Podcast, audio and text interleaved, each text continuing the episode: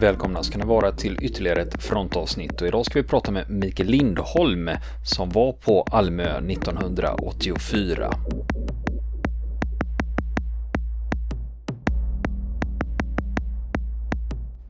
Och nu ska Mikael Lindholm få fortsätta berätta sin historia om sina upplevelser på Almö 1984. Mm. Men är det lugnt sen under lördagnatten?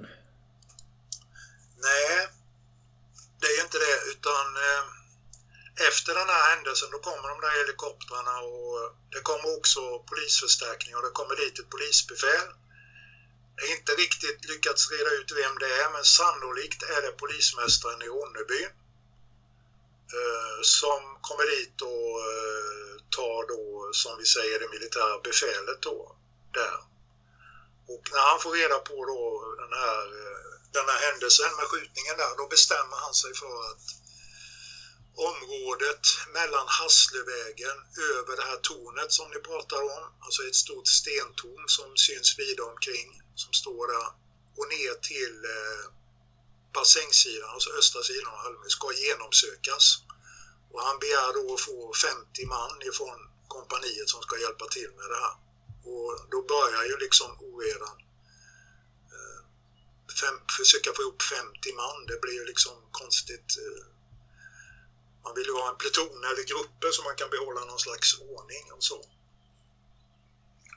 Men så är det i alla fall så att eh, någon gång, jag vill minnas att det var vid ett-tiden där och jag är väl på väg där och tänker att nu får jag gå och lägga mig äntligen. Men då blir jag uppropad av kapten H på radion som säger att vi ska skicka all personal som vi kan avvara upp till eh, Hasslevägen, till vägskälet ner mot Taiwan polismöte. Vi ska göra en genomsökning av terrängen, säger han. Så jag avdelar folk där från posteringen jag är och sen så pratar jag radio med de andra posteringarna och ger dem samma uppgift. Och så försvinner det iväg så mycket folk vi kan avvara då. Eh, traskar iväg där under ledning av en gruppchef. Och jag sitter där kvar och känner mig inte alls väl till mods. Jag tycker det känns konstigt alltihopa eh, någon samövning och vilka, jag vet inte hur många som har, jag kan inte få grepp på det, hur många är det från vår pluton som har kommit iväg. Och så är det alltid det här i militära, var, ska man vara som chef, för vilken plats ska man välja? Men jag bestämmer mig efter att ha velat en stund att eh, nej, jag måste vara med, det där känns inte bra, jag måste dit och titta vad det är som händer.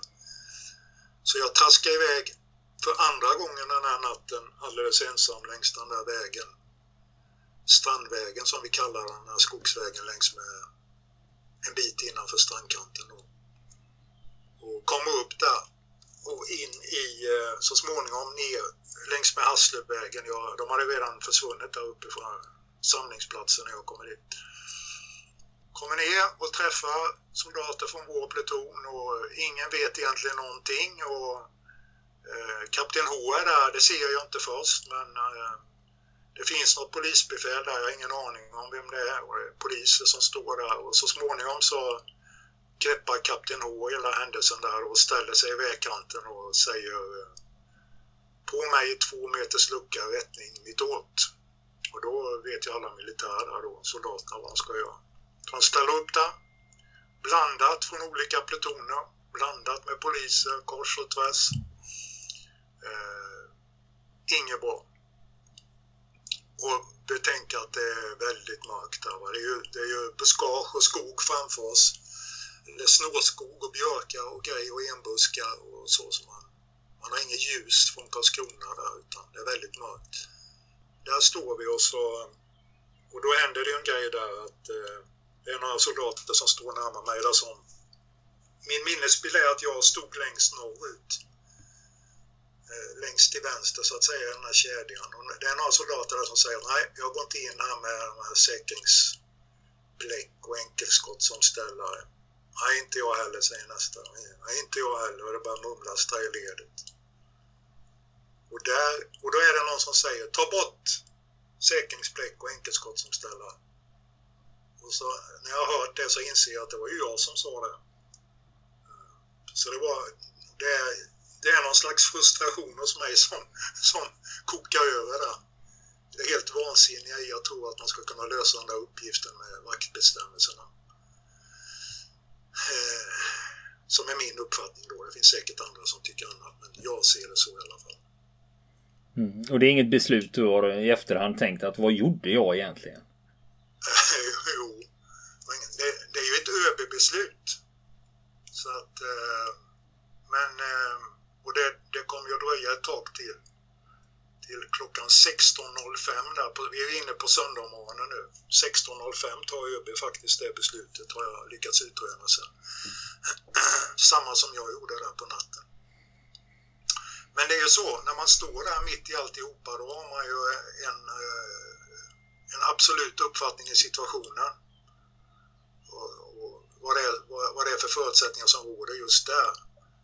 Som man inte har i Stockholm i det läget och så. Men där blev det oerhört påtagligt för mig att det, är helt, det går inte att göra, skicka ut våra soldater under de här förutsättningarna. Men de, de eh, plockade ju bort det där då va? Och, och, och sen eh, vandrade vi iväg in där och det som är min, eh, alltså min oro där är ju det här med friendly fire som det brukar kallas och som inte alls är ovanligt i krigshistorien.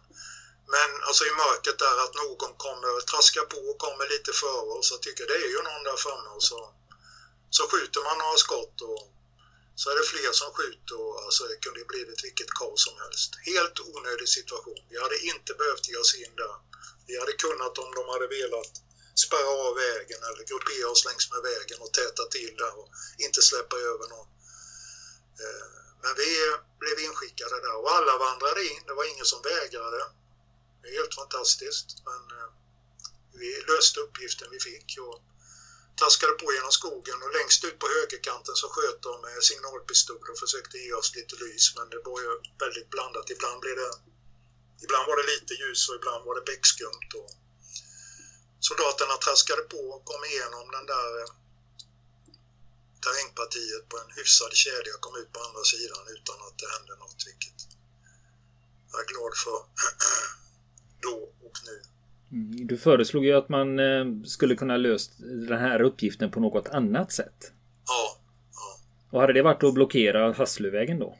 Ja, precis. Gruppera, gruppera ut folk längs med Hasslövägen. Det blev så lite senare för den här plutonen som andra pluton från oss som blev skickat till, som larmstyrka till östra delen, den skickade de tillbaka när de började inse vad som hände hos oss. Och då fick de den uppgiften där på efternatten och gruppera längs med vägen. Och polisen hade också något, något eh, en rutin som de hade använt tidigare då, att de ställde bilarna på ett visst sätt med helljus på. Så grupperade de sig bakom när de skulle leta efter folk eller försöka fånga in folk som var på rymmen eller så. Så de hade, de hade en lösning på det där hur de skulle kunna göra, så det, det hade vi ju kunnat gjort. Men det som hände här var inget bra, men, men det som var bra var ju att vi diskuterade det efteråt med poliserna och, och vi var överens om att det här, det här ska inte hända en gång till och det gjorde det inte heller. Och jag hade mycket bättre dialog innan. Det var väl lite upphetsad stämning även i polisleden där och i polisledningen då som ville göra någonting och sådär. Men eh, det var en väldigt farlig situation. Oerhört farlig situation. Mm. Men den här skallgången, det gav ju inget resultat heller. Nej, vi hade inga indikationer överhuvudtaget på att det skulle ha kommit i land någon där och hela tredje pluton låg ju fram i, i, eh, i strandlinjen framför här och där kunde de ju inte vara när det kom en skallgångskedja så vi fick ju kompanichefen fick ju idag order först då att lyfta, lämna hela sin bevakningslinje och komma upp där till Hasslövägen så de inte skulle vara framför den här linjen. Mm. Vad händer? Och då är vi ju, det här är ju söndagen då. Mm. Söndag morgon blir det ju, väldigt tidig morgon. Ja, det är det och eh, jag är eh, förbannad och jag går förbi kompanistaben och säger att nu kommer jag att ta bort alla de här vaktbestämmelsebläcken och allt det här på plutonen. Gå tillbaka och ta radion och ge order till alla posteringar, plocka bort allting. Och är, eh, är eh, upprörd och förbannad eh, i det läget. Ja, och där inser jag ju mycket klart att jag, att jag är ute på oerhört tunn is. Men men det är soldaterna som är det viktiga för mig. Jag är satt där att vara chef över dem och skapa bästa förutsättningar för dem. Och det är det jag försöker göra. så då, återigen där då, igen så tänker jag väl att nu, nu ska jag, får jag gå och lägga mig en stund här och sova lite. Jag var trött. Och ungefär då när jag ska göra det då öppnas det, skjuts det automateld en bit norrut, oklart hur långt norrut. Och eh, eh det visar sig vara nästa postering, ett postställe som heter 15. Och eh, där är det där sitter det en soldat B och gruppchefen S. Eh, det ska strax bli postavlösning. Och eh, då är plötsligt så hör de att eh, det kommer någon springande, joggande framför dem. Och släpandes något, hör de tydligt. Och den här personen stannar upp precis framför dem. Kanske 15-20 meter max framför dem. Och andas. Soldaten B säger, han säger för övrigt att han kan när som helst sluta ögonen och höra fortfarande idag precis den här eh, ångestfyllda andningen som den här dykaren gör då, som vi misstänker var en dykare. Så han står där och andas och de, de eh, tungt någon minut. Och eh, då eh, ska, precis ska det bli postavlösning och de hör nu då soldaterna där att eh, postavlösningar är på väg bakom dem. Och då så bestämmer sig gruppchefen, han får väl känslan av att eh, hela situationen håller på att vinna dem med händerna. Så han eh, ropar där då ”Stand up, give up, no chance” och så skjuter han några enkelskott fast lite högt och sen skjuter han resten av magasinet automatdel. Soldaten B då fyller på och skjuter som han tror idag 2 till 4 skott eller säger att han skjutit 2 till 4 skott mot samma punkt. Och sen är det fullt pådrag där då. Då kommer, till att börja med så kommer sergeanten W som är posteringschef där, han är eh, ett postställe eh, söderut så han har en bit innan han kommer fram. Men det är en, en gruppchef som kommer fram där som eh, tar tag i det där lite och han, han får, tänker sig att de ska tända eld på hela buskaget där om någon gömmer sig. Eh, så de är väldigt på där soldaterna och, börjar leta faktiskt. De som kommer fram från tältet och från posteringen. Och sen kommer sergeanten och sen kommer, eh, ganska snart så kommer polis och kompanichefen och jag kommer dit så småningom också. Och det sker ett sök då, eller först påbörjades det ett sök med hund. Men då är det alldeles för många som har traskat omkring där så det är inget tydligt spår. Och eh, då, då påbörjades det ett sök längs med strandkanten där med ficklampa. Och, eh, man kommer en bit söderut så är det en, en eh, lera sandyta och där är det ett märkligt stort fotavtryck med tvärgående, det är soldaten B som är där först och med någon till som upptäcker och han säger att det är ingen höger eller vänster, den är symmetrisk, säger han. Och eh, så är det tvära ribbor, väldigt tydliga ribbor med en centimeters mellanrum. Så, såg du det här fotavtrycket själv eller har du fått det beskrivet? Ja, ja, absolut. Och vi spärrade av där direkt och, och eh, så skulle polisen komma på morgonen och gjuta av det. Och det gjorde de, men de var fördröjda för de var ute på någon mordutredning i norra Blekinge. Så att de, eh, men eh, eh, fotavtrycket var kvar. Så att det är avgjutet och det, det ligger. Det, de lämnar inte ut det. Det finns hos polisen. Säpo är väl som har tagit eh, allt det som polisen samlar in antar Men det gick, det gick liksom polisvägen, det, det avtrycket. Eh, så att det där är, och de hittade också precis där de eh, skrapmärken, långa skrapmärken på den platsen där de hade hört, eller för den platsen där de hade hört den här stora, den här ångestfyllda andningen. Eh, ja, och även där så lugnade det så småningom ner sig och man återgår till normal posttjänst. Och jag vandrar tillbaka. Den gången hade jag med mig ett par soldater upp så jag var inte ute och gick ensam. Eh, men jag eh, går tillbaka ner till eh, vår postering då till tältet och tänker då tredje gången blir det väl nu då att nu ska det bli skönt att få lägga sig nästa Men du sa att fotavtrycket det ligger i Säpos arkiv numera då? Det är den uppgiften jag har fått och eh, eh, att man inte lämnar ut någonting av, eh, det finns, de har ju lite mer saker men eh, de inte lämnar ut någonting av det här så länge som det hemligstämpeln sitter kvar.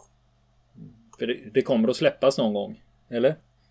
Så jag börjar bli tveksam för att eh, jag höll ju på att leta handlingar då och eh, till andra boken här och eh, då, eh, ja, det var lite olika men då, då fick jag uppfattningen att de, de antydde mellan raderna att det här kommer nog bli förlängt. Då. Annars var det ju, eh, jag kommer inte ihåg riktigt vilket år det är som det skulle släppas. Jag har skrivit om det men jag kommer inte ihåg riktigt nu. Men, men jag tolkar att eh, mellan raderna att eh, de säger att eh, det kommer inte göra det utan man kommer förlänga hemligstämpeln. På allt som, allt som rör de här ubåtskränkningarna. Mm. Känner du en frustration inför det? Ja, lite. Ja, man kan ju misstänka lite också var, varför det, man väljer att göra så också. Det kan väl finnas förklaringar eh, till det. Alltså. Nej, det gör jag inte. Jag, jag, jag, har ju en gång, jag har ju bestämt mig för att jag ska inte liksom fastna i det här utan eh, jag, jag skakar av mig det här. Liksom. Det, det är en del av historien och jag kan berätta vad jag upplevde där och bidra med någonting för, till historien. Men det finns så mycket i det här och sådär så att jag tänker inte låta mig bli frustrerad över allt. Det är mycket märkliga saker, saker som har försvunnit och sådär på olika vägar i, på andra, andra eh, sådana här undervattensoperationer och sånt där. Så att, nej, nej det gör jag inte. Mm. Men om vi tar, eh, nu var ju avgjutningen klar där då. Ja. Vad hände sen då? Ja, då går jag tillsammans med de soldater som jag hade med mig så eh, ger jag mig eh, iväg tillbaka ner till vår postering och tänker att jag ska nu får jag gå och lägga mig och sova en stund. Och när vi kommer tillbaka ner där strax därefter så eh, kommer då på den telefonslinga som vi har mellan alla postställen in till tältet ifrån postställe 11 som är vårt södra postställe då utav de tre vi har i den här posteringen. Det är alltså närmast ner mot viken där eh, lördagskvällens händelse började med skjutningen. En liten bryggrest ligger det där och av en gammal brygga där man skeppade ut sten. Och då säger soldaten som, som pratar in där på tråden att de hörde väldigt tydligt hur någon kom upp ur vattnet. Sånt där klassiskt ljud, man reser sig upp ur vattnet. Och sen hörde de, uppfattade de att det var, lät som plåt mot sten och lite andra ljud. Så att de säger att det var någon som kom upp ur vattnet där framför oss. De har ju inga, inga mörkerhjälpmedel eller någonting där så att eh, eh ja, jag bestämmer mig då för att eh, jag tar med mig den här eh, KB-eleven vi har. Eh, som är 15 månader. Och tar med mig radion och så går vi ner dit. Och pratar med posterna och sen går eh, KB-eleven och jag, vi går runt det här snåret som är precis söder om.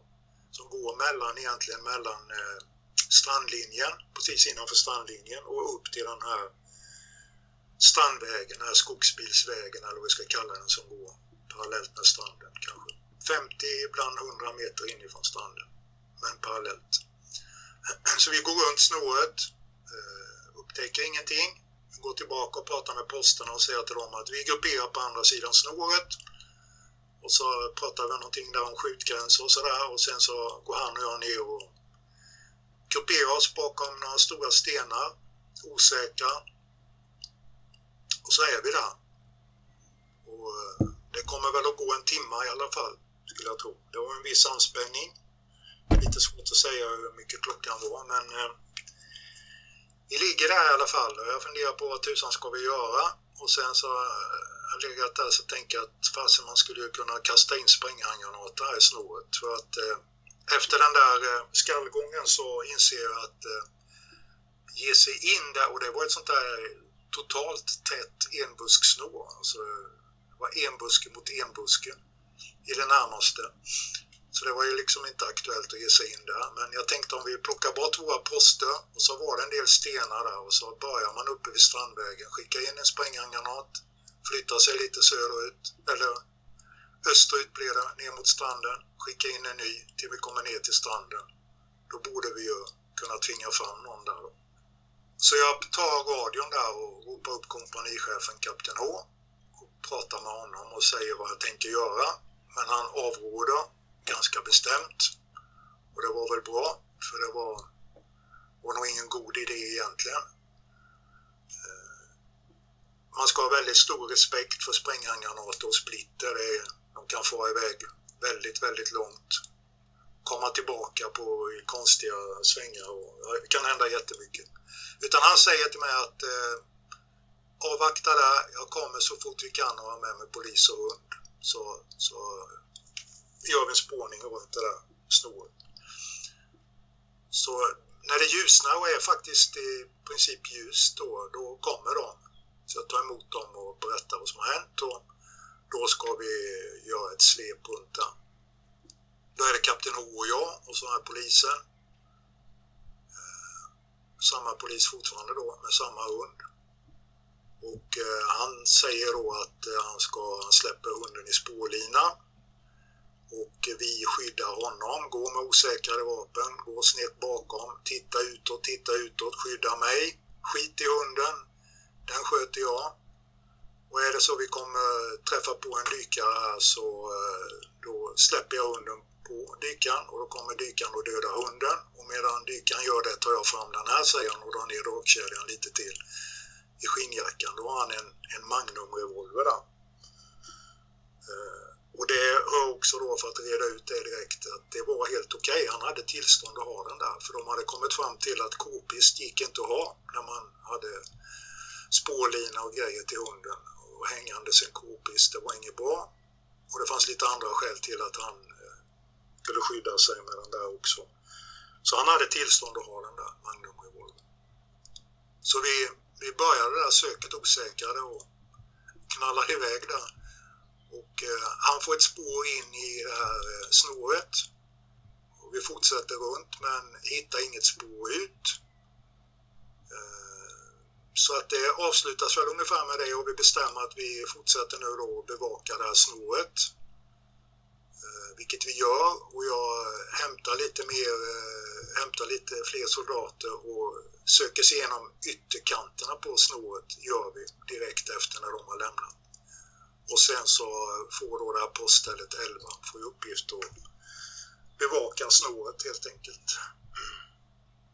Det Eh, är egentligen eh, det sista där då som eh, hände den där natten. Och när man lägger ut de där händelserna efter varandra och, och ser mönstret av det då så har jag vid några tillfällen, vi gjorde 2016 så gjorde vi en rekonstruktion med en hel del människor som var med. med alltså det var folk från vårt kompani, det var folk från insatsledningen i Karlskrona, det var folk från underrättelsetjänsten, det var poliser, det var kustjägare, det var dykare. Och så gick vi igenom allting som jag skriver om i boken och tittade på alla händelserna och försöker se mönstren och kunde också se mönster på ett nytt sätt. Och sen hade jag också nöjet eh, ett år senare att gå, gå igenom allt det här med en person som eh, väldigt erfaren och hållit på mycket med det här och massa, varit med i många av de här händelserna. Men ni säger, ni gjorde rekonstruktioner och sen året därpå hade du förmånen att prata med en person som var väldigt kunnig på området. Vad, kom, vad fick du lära dig? Alltså det jag lär, lärde mig i den här rekonstruktionen var ju, och jag skriver nu andra gången här om de här mönstren där man ser hur saker och ting hänger ihop. Till exempel att eh, om vi då ska gå alla sex dygnen i förväg att eh, alla händelser skedde i våra två södra posteringar. I våra två norra posteringar hände det ingenting egentligen. Va? Det var inte ett larm. Ingenting. Och de här då belackarna då som pratar om nervösa värnpliktiga, hade det varit så då borde det ha varit larm på de andra också. Som dessutom var mörkt och otrevliga ställen. Det var ingen öppen terräng. Alltså det var sådär man verkligen kunde ana sådana här eh, buskar som förvandlas till fienden fiender på natten och så. Men inget larm där uppe. Tidpunkterna som allting hände, utom den här långa natten, men om man tittar på alla så kan man ju se att det finns ett mönster i tidpunkten, att de stämmer. Eh, det finns ett antal saker som man ser mönster. Den här till exempel den här eh, ljusfenomenet som man kan se då, ja men det stämmer överens. Hur har de gått? Vad har de haft för riktmärke? Har de gått på kompass eller har de gått mot riktmärken när de har rört sig på land? Och ja, en mängd sådana saker. Det kommer upp mer, mer händelser som man också skulle kunna koppla ihop med det här och se mönster. Så det lärde jag mig. Men åter till den här personen ett år senare då som jag gick igenom alltihopa med. När jag hade berättat då om den här natten så tittar han på mig och så säger han med ett ord besättningsbyte, säger han. Så var det avklarat. Det var hans slutsats av eh, de här händelserna. Alltså till, till varje pris så skulle man genomföra någon form av besättningsbyte och det drog ut på tiden på grund av att de för första gången då på Almö mötte eh, en beväpnad bevakning som också öppnade eld mot dem. Finns det någon uppskattning om hur stor en sån här besättning är? Hur mycket folk behövs det som behöver röra sig eh, in och ut? Ja, där, där passar jag. Jag vågar inte mm. säga. Jag har för dålig kunskap om det. Det finns säkert de som kan, eh, utifrån att man var ganska övertygad om att det var två miniubåtar som var inne i bassängen, så finns det säkert de som kan börja räkna där. Jag har ju bestämt mig också för en annan sak, att eh, jag bara ska berätta vad jag upplevde och att jag inte ska ge mig in i, i spekulationer eller peka ut vem var det eller någonting sånt där utan att strikt hålla mig till att berätta om vad jag upplevde då för att för på något sätt på min, för min egen trovärdighets skull då, då. Så att eh, nej, jag vet inte. Jag, jag törs inte svara på det. Många det kan ha rört sig om. Ja, för vi är ju framme vid söndagen här. Ja. Vad händer sen då? Efter, ja. För ni har ju gjort genomsök och snåren och, eh, och så är det postställe 11 som får uppgift att hålla, hålla koll på det. Mm, precis och eh, vi får eldförbud och eh, det kommer egna dykare och man går igenom botten på de här ställena där vi har, har eh, öppnat eld. Och ska kolla då så att det inte ligger någon på botten eller hitta andra spår eller så. Så att vi har eldförbud några timmar på dagen. Jag sover den där eftermiddagen, det var ganska skönt. Eh, och sen blir det kväll och eh, då har jag bestämt mig för att eh, postställe 12, då, vårt mittersta postställe vid den postering jag är, ett fantastiskt postställe för det ligger ute på en liten udde och man ser egentligen hela viken uppåt då, Tummafjärden uppåt, eh, norrut Eh, förbi golfbanan upp mot Varnäs heter det och söderut ser man ner till Hajvar och hur eh, Almö sticker ut där och, ja, och ut mot fjärdarna där. Fantastiskt ställe så jag bestämmer för att jag, jag går fram och lägger mig där och försöker sova där istället för att ligga i tältet. För det, när det händer så händer det så snabbt har man konstaterat det här dygnet. Så det är bättre att vara ute på ett postställe. Så jag fixar lite där och lånar en gammal sovsäck och lite och lägger mig en skreva bakom poststället.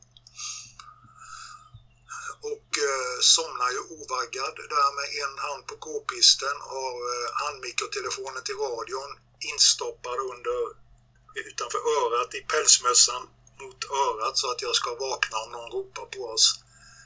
Eh, så där ligger jag och sover tre kvart ungefär till eh, eh 22.45 har jag för mig. Eh, då blir jag väckt av posten, soldaten A som säger löjtnant vakna, det är någonting i vattnet.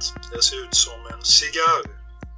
Och nästa vecka fortsätter vi vårt samtal med Mikael Lindholm om hans upplevelser på Almö 1984.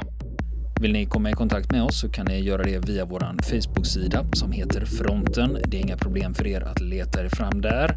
Eller också så mejlar ni på vår mejladress och det är frontenpodcast@gmail.com.